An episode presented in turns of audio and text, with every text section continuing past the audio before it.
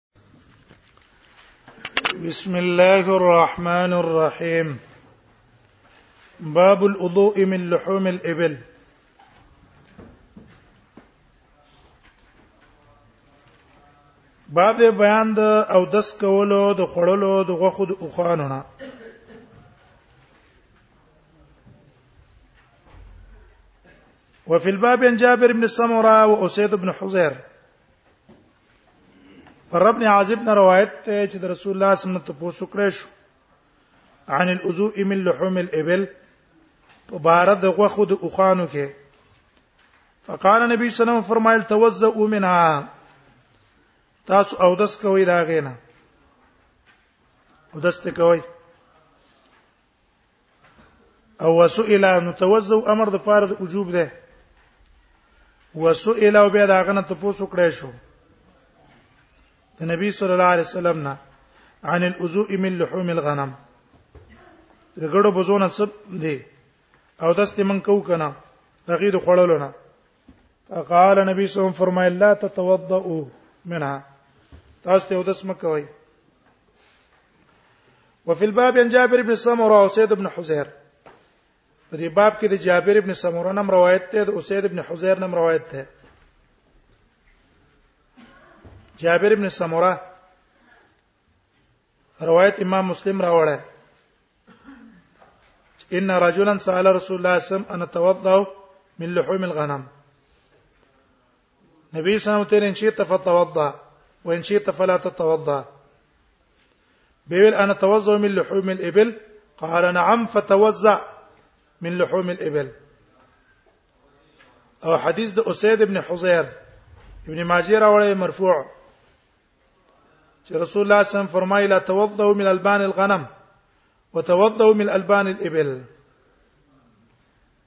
ولیکن پای کې کلام ده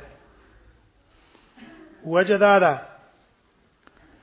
آیا دا حکم د البان الابل په شان ته دغه خدای کنه ده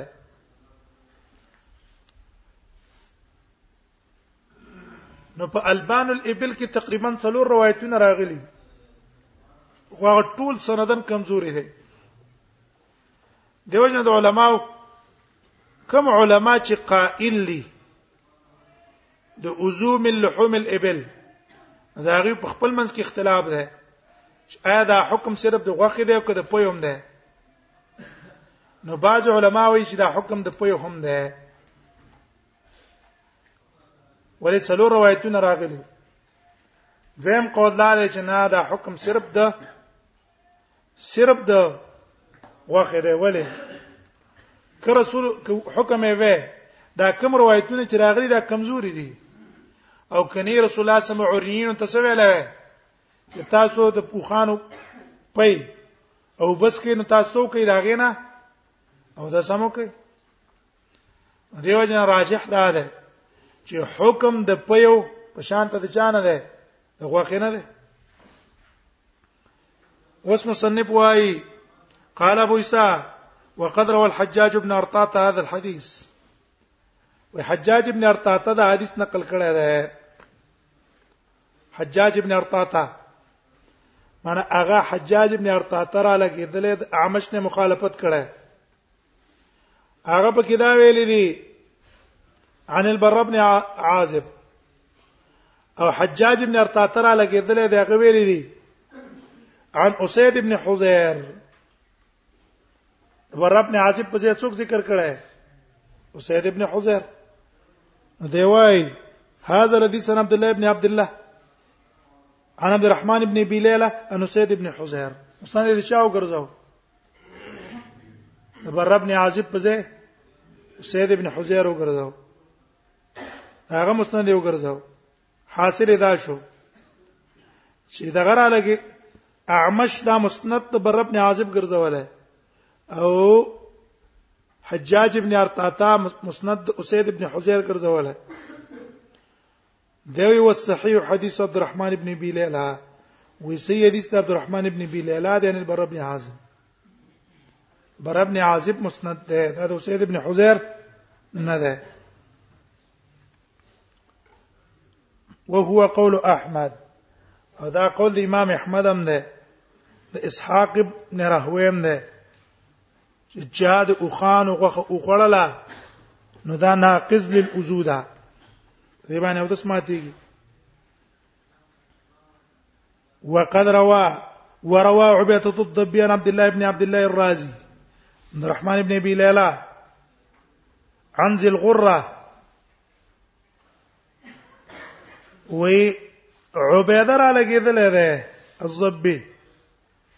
دا روایت نقل کړی دی چانه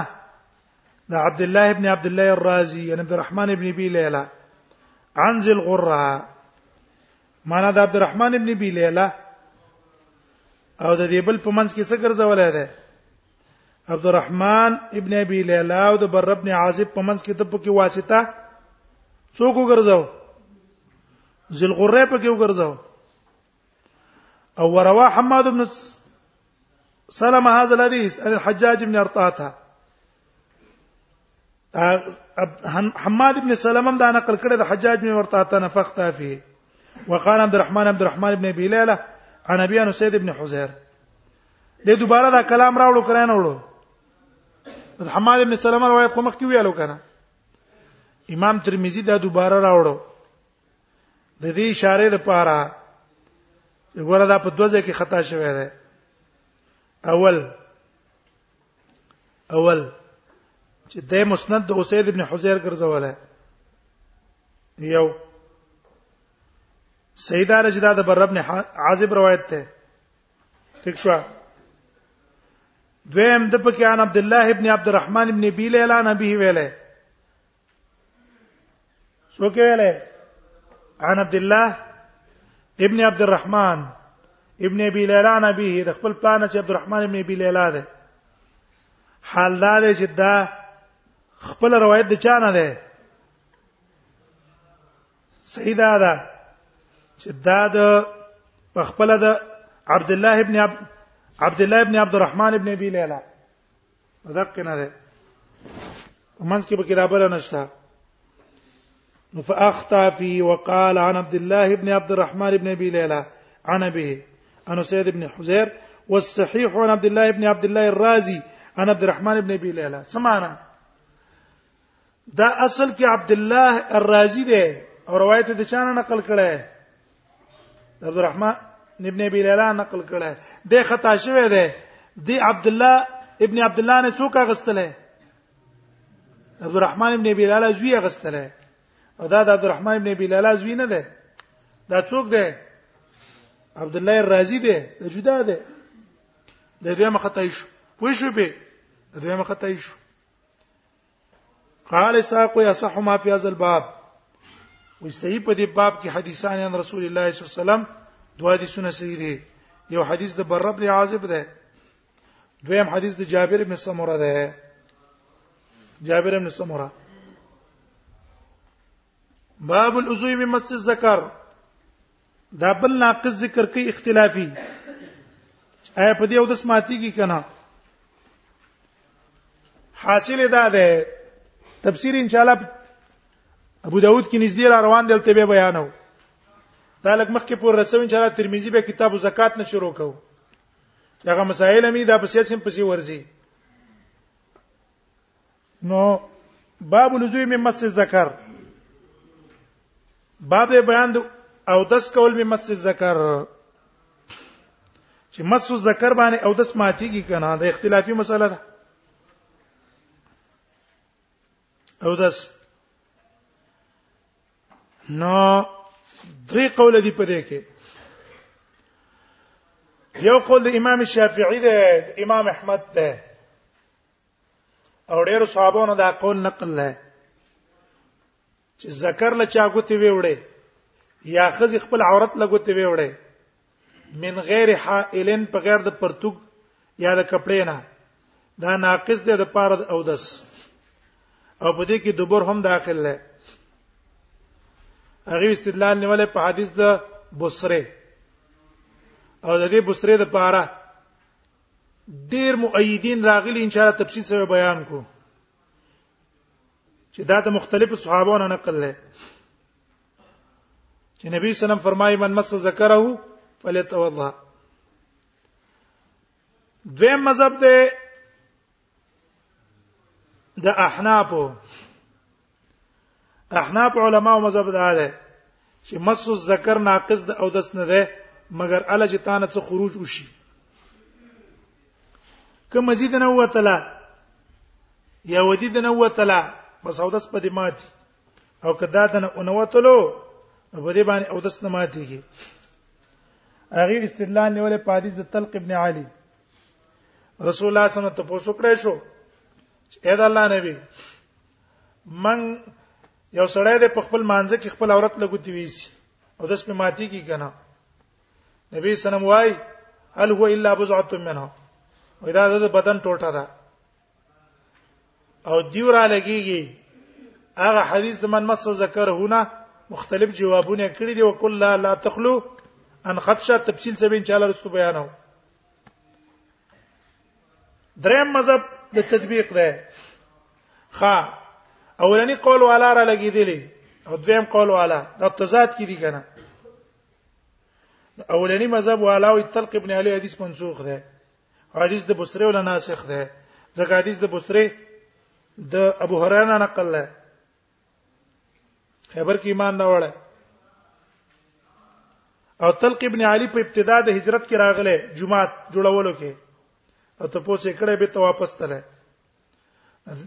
دا حدیثونه دا غیر پر ناسخ شو احناف په عکس عمل کړه دا غینه جوابونه کړی دریم قول تطبیق دی د مالکیانو نه نقل دی مالکیانو نه عراقي مالکیان او بعض علماو چې پای کې البانی صاحب هم ده هغه دې له ترجیح ورکړي چې دوه حدیثونو باندې کې تطبیق کړه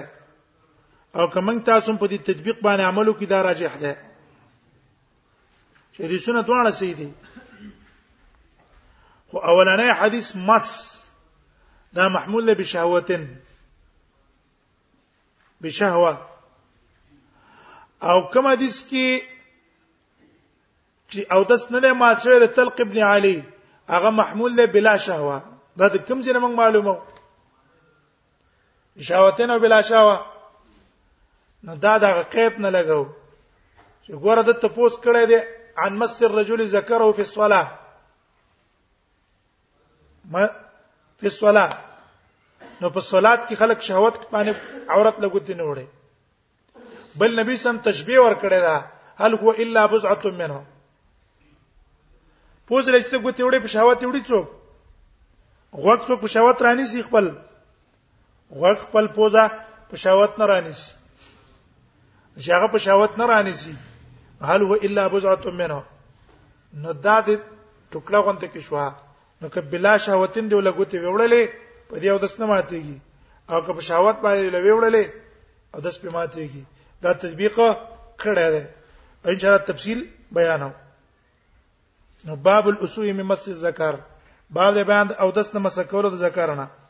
وبي قال سنة إسحاق بن منصور قال سنة يحيى بن سعيد القطان عن هشام بن عروة قال أخبرني أبي عن اروا ابنه انيس وعائشه وجابر وزيد بن خ بصره بنت صفوان بصره بنت صفوان دا د عبد الملک ابن مروان نیاو د مور د طرفنا او مهاجره وا ان النبي صلى الله عليه وسلم قال نبی صلی الله فرمای من مس ذکره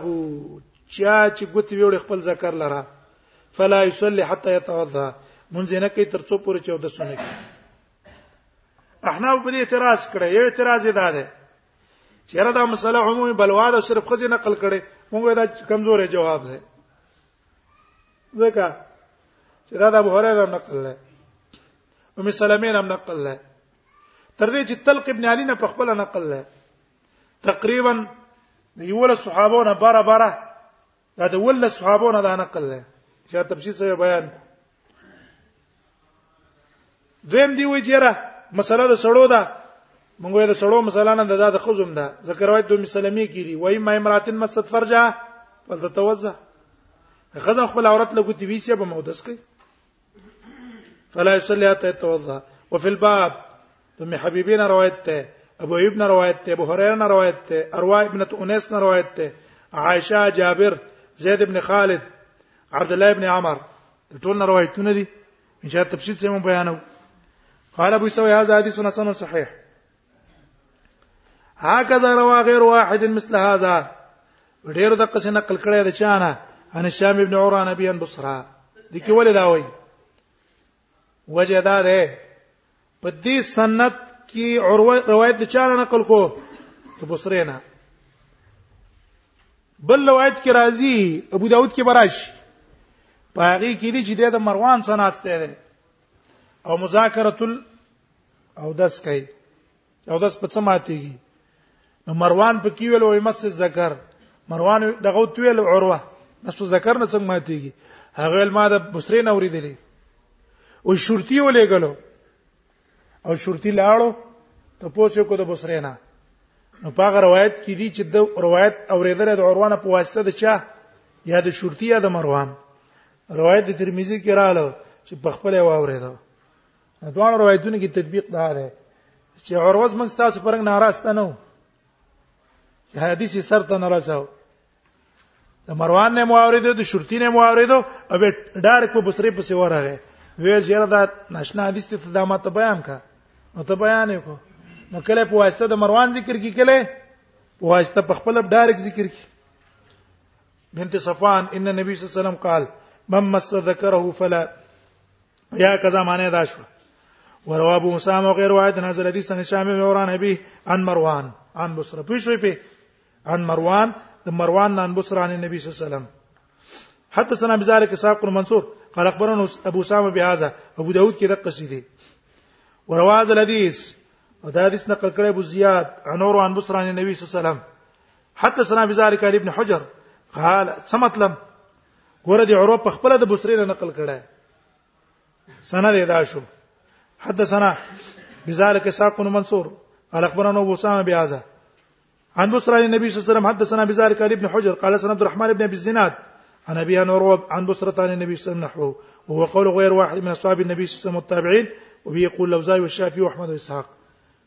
د دین دا قول دی چې په مسو ذکر باندې څه کیږي مطلقاً او داس ماتيږي قال محمد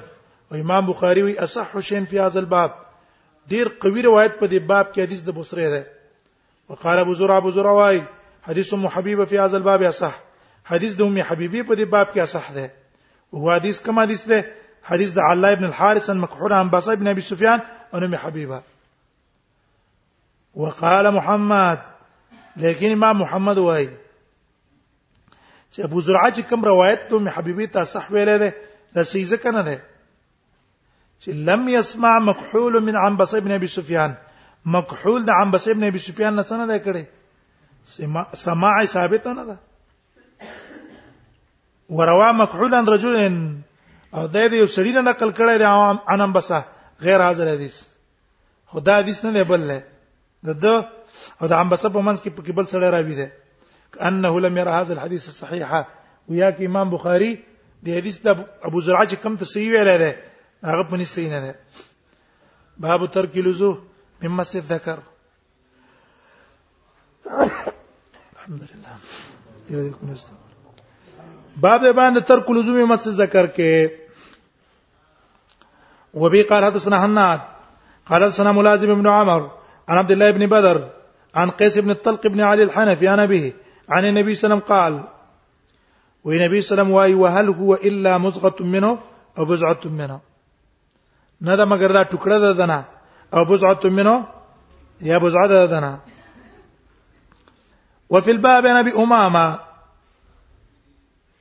قال ابو اسحاق وقد روي من غير و...